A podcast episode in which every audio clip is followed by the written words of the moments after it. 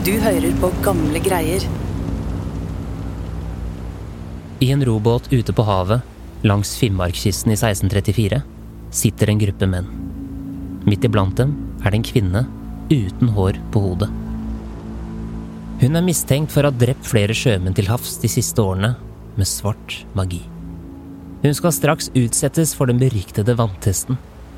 Testen som er det kraftigste indisium på om hun er en trollkvinne eller ikke. Flyter hun, er hun skyldig og må brennes på bålet. Synker hun, er hun uskyldig.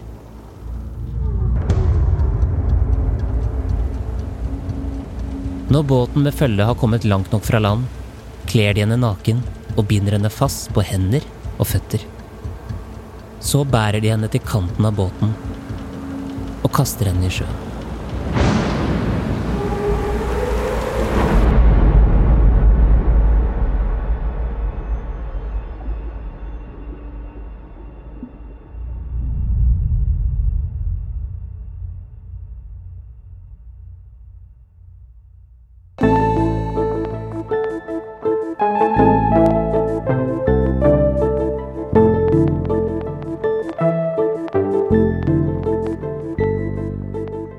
Hører på Gamle greier, en historiepodkast fra Nasjonalbiblioteket. Jeg heter Lars Hamren Risberg.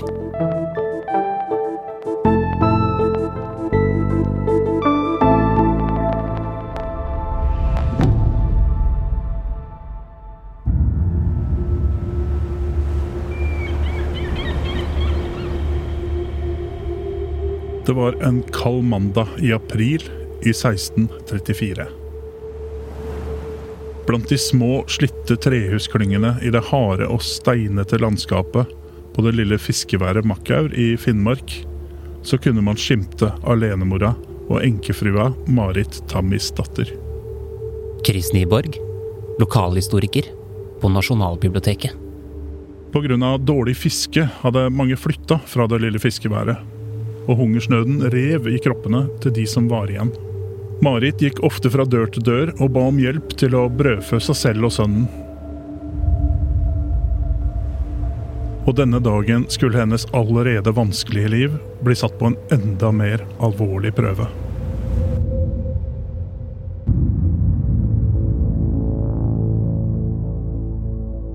Snart kunne Marit nemlig se et følge av menn nærme seg huset hennes. Og blant dem kunne hun se naboen Jeremias. Jeremias var en viktig mann med mye makt. Han var underfogd i Makkaur og representerte myndighetene når folk skulle tiltales for forbrytelser. Og da resten av følget presenterte seg, forsto Marit at det var illevarslende. Det var nemlig sorenskriveren og fogden i Finnmark som hadde tatt turen til henne med alvorlige anklager. De beskyldte henne for å drive med svart magi. Hun var ei heks.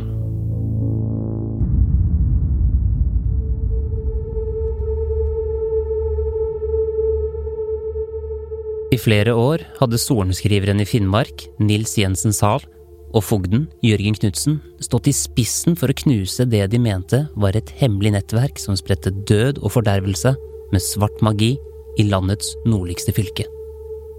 Og nå kunne følget utenfor plassen til Marit fortelle at en i hennes omgangskrets, Ingeborg fra Vardø, stedet som bare lå noen mil unna Makkaur, akkurat hadde blitt dømt for å bedrive svart magi. Og før Ingeborg ble brent, hadde hun sagt at også Marit var trollkvinne.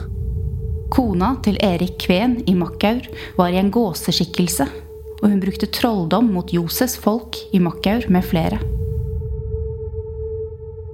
Og når Marit sto der og fikk denne beskjeden, visste hun at hun var i fare. For når sånne som henne ble beskyldt for å bedrive trolldom, kunne det bety den visse død. Hun var fattig og uten mann til å beskytte seg, og det var ofte de som var de fattigste, som ble beskyldt for å bedrive svart magi. Dessuten hadde Marit vært gift med en kvensk mann, og hadde selv kvenske aner. Dette talte heller ikke til hennes fordel.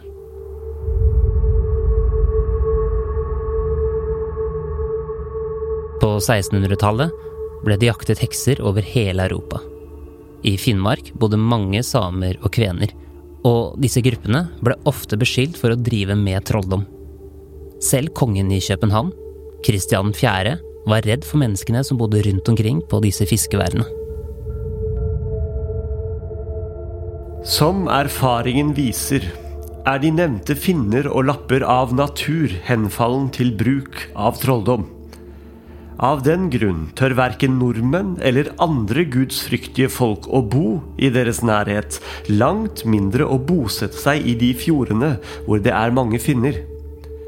Derfor skal du ha et strengt og alvorlig oppsyn med dem, slik at de som blir funnet skyldig i å bruke trolldom, gjennom dom og straff uten all nåde avlives. Kong Kristian 4., 1609.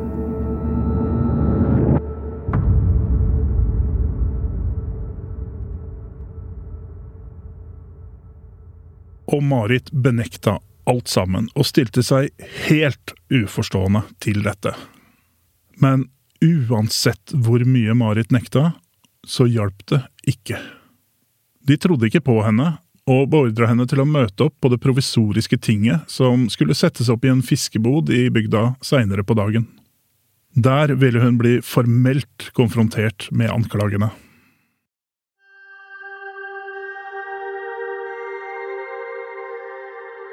Men eh, det var ikke helt svart.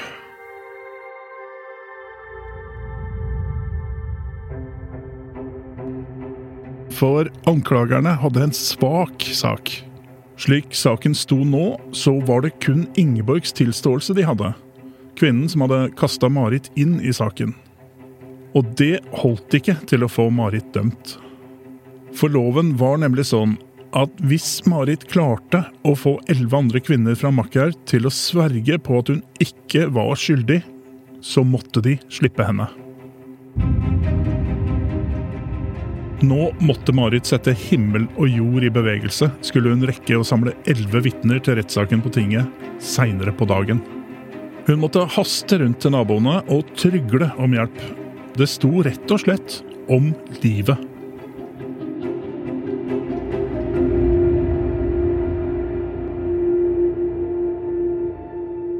Men å få hjelp fra folk i bygda var ikke bare lett. Mange av menneskene som bodde i området, enten de var nordmenn, samer eller kvener, visste at det innebar en stor risiko å blande seg inn i slike saker. Fattigdom gjorde at de var nederst på rangstigen, og hvis de i tillegg tilhørte en minoritet, talte det ikke til deres fordel. Samfunnet beskytta ikke nødvendigvis sånne som dem. Det var best å holde seg unna øvrigheta Ellers risikerte de selv å bli både mistenkt og innblanda.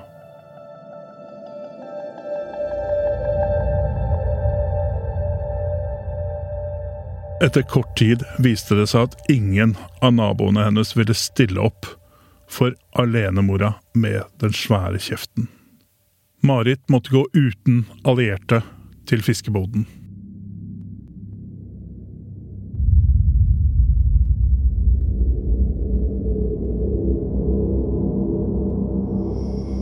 I lokalet satt hele bygda.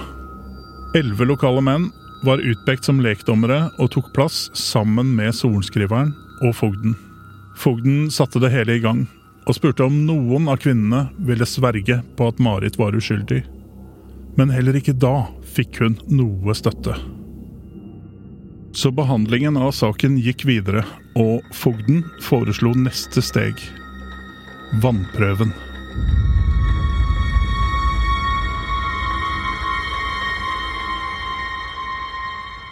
Vannprøven var en velkjent metode. Riktignok uten hjemmel i loven, men som folk trodde kunne gi et klart svar på skyld eller uskyld fra Gud selv.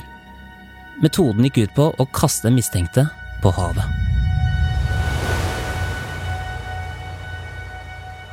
Det var et bilde på Guds hellige dåpsvann. Hvis hun sank, var hun uskyldig. Men hvis hun fløt, var hun i allianse med Satan.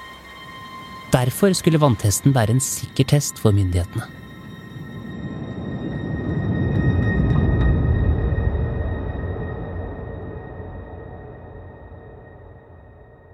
Forsamlingen ga fogden medhold i dette forslaget med en gang. og Marit fikk beskjed om at hun skulle testes ganske snart. Men før vannprøven måtte Marit sjekkes for djevelmerker. For slike merker kunne hjelpe trollkvinner å bestå vannprøven. Disse merkene var et synlig bevis på en pakt med djevelen. Det kunne være alt fra føflekker til arr.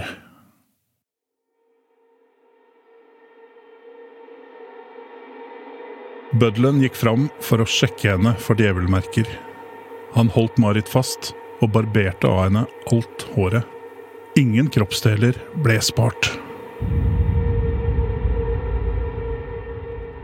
Men da han ikke fant et eneste djevelmerke på huden, så undersøkte han videre etter spor av merker i kroppsåpningene hennes.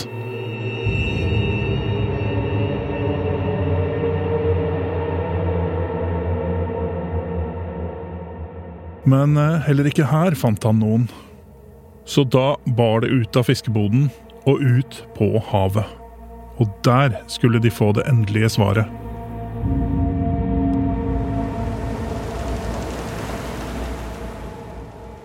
Et godt stykke ut på havet ble Marit avkledd alle plagg, helt til hun var naken.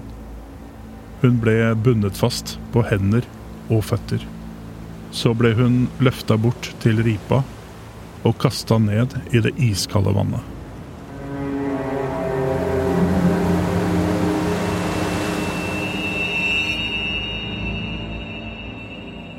Sorenskriveren, fogden og naboen Jeremias venta spent. Var hun trollkvinne eller ikke?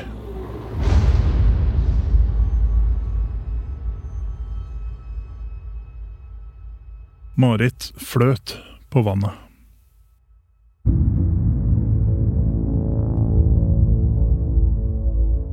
Et sterkere indisium kunne ikke retten ha fått. Gud hadde støtt Marit fra seg. Derfor fløt hun. Hun var i allianse med Satan. Og dette tok de som et tegn på at hun var heks, og ikke at hun var svømmedyktig. Ja, nettopp.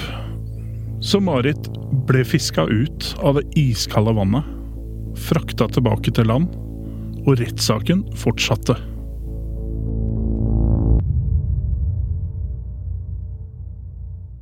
Og tilbake i Makaur fortsatte Marit å nekte. Ja, men nå hadde tinget fått nok. De hadde bevisene de trengte.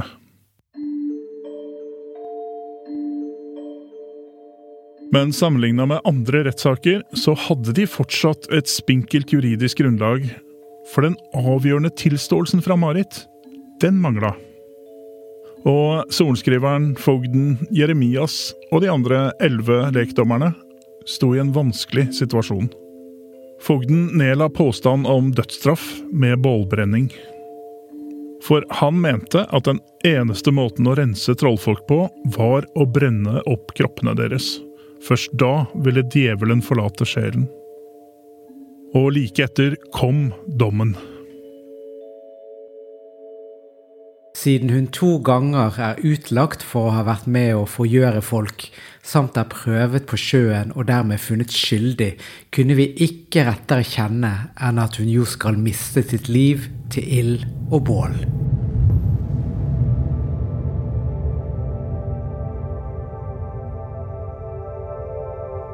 Det var nå et faktum. Det var ingen vei tilbake. Marit var dømt til døden, og hun skulle drepes på bålet.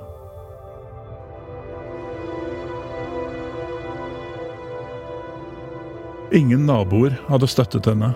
Hun var lutfattig og nederst på samfunnets rangstige.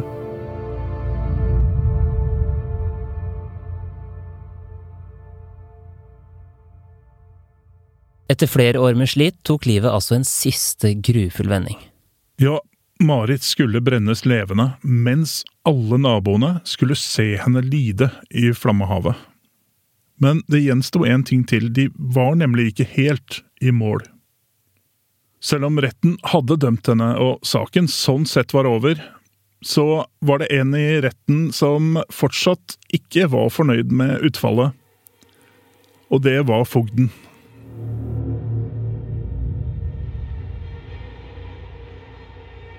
Han håpa på at Marit skulle sladre om flere trollkvinner i området som hun samarbeida med.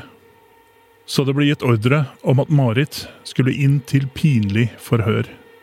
Tortur kaller vi det i dag. Pinlig forhør varte i flere timer. Det var vanlig at ofrene ble brent med glødende jernstenger. Selv om fangen sprakk etter noen minutter og tilsto, så fortsatte torturen en god stund til. Mens Marit var bundet og hjelpeløs, begynte bøddelen å torturere henne.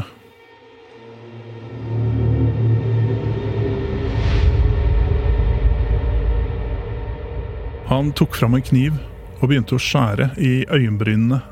Han var igjen på jakt etter djevelmerker. Bøddelen fikk en reaksjon fra Marit, som senere ble beskrevet som en demonjagende egenskap. Og selv om de ikke fant noen djevelmerker, så skrev de at Satan for straks fra henne.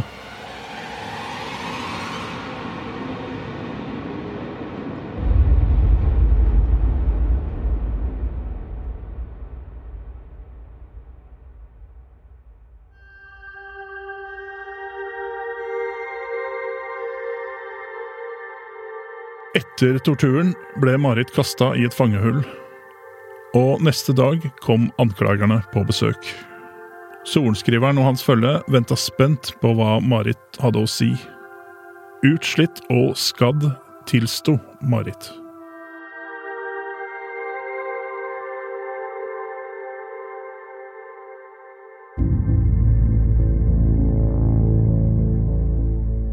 Hun fortalte at hun hadde bedrevet værmagi sammen med mange andre hekser i Finnmark. Hun tilsto også at hun hadde forheksa flere av naboene sine, og hadde en diabolsk tørst etter å hevne seg på uvenner i Makkaur. Det var en komplett tilståelse av alle forholdene.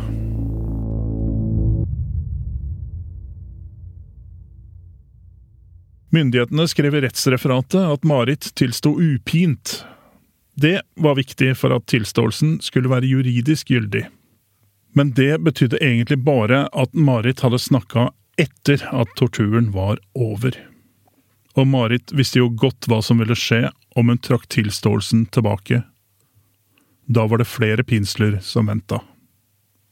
Men hvis retten trodde de nå var ferdig med å avdekke dette kriminelle nettverket i Finnmark, som hadde herjet med værmagi langs kysten, så tok de feil. Ja, Marit hadde nemlig noe mer å tilstå.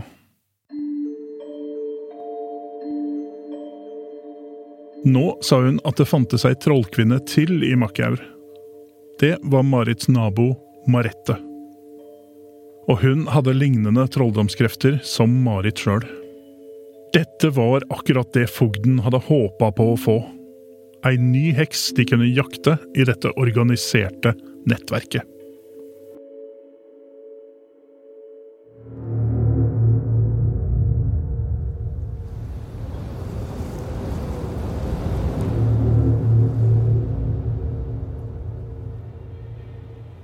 Etter tilståelsen ble Marit frakta til henrettelsesstedet. I dokumentene står det deretter vil hun gå til sin død og motta sakramentet. Marit skulle altså få synsforlatelse og nattverd av presten før hun skulle møte sin skaper. Bålet ble satt i hjembygda Makkaur, så hennes sambygdinger og sønnen hennes kunne se henne brenne i hjel.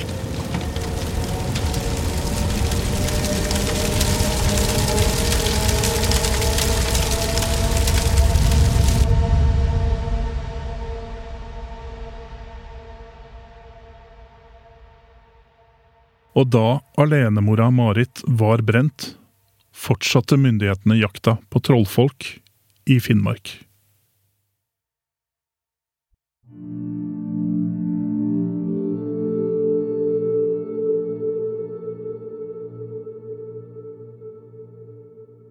Naboen Marette ble etter henrettelsen av Marit ført inn til tinget 5. august samme år. Hun ble også funnet skyldig og brent. Hekseprosessene i Finnmark skulle pågå i mange år til, før det tok slutt i 1692. De som ble anklaget for å være trollkvinne, var ofte de som var helt nede på rangstigen i lokalmiljøet. Gjerne de som var hissige og kranglete, og Marit passet inn i denne profilen.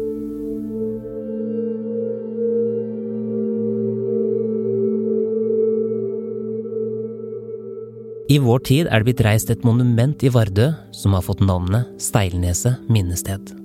Også kjent som Heksemonumentet. Til minne om de 91 ofrene for hekseprosessen i Finnmark på 1600-tallet.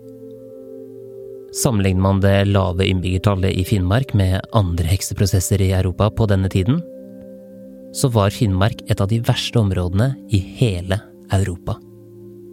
Her gikk det særlig utover kvinner og den samiske befolkningen. I dag blir disse dommene sett på som noen av de verste justismordene som noensinne har skjedd på norsk jord.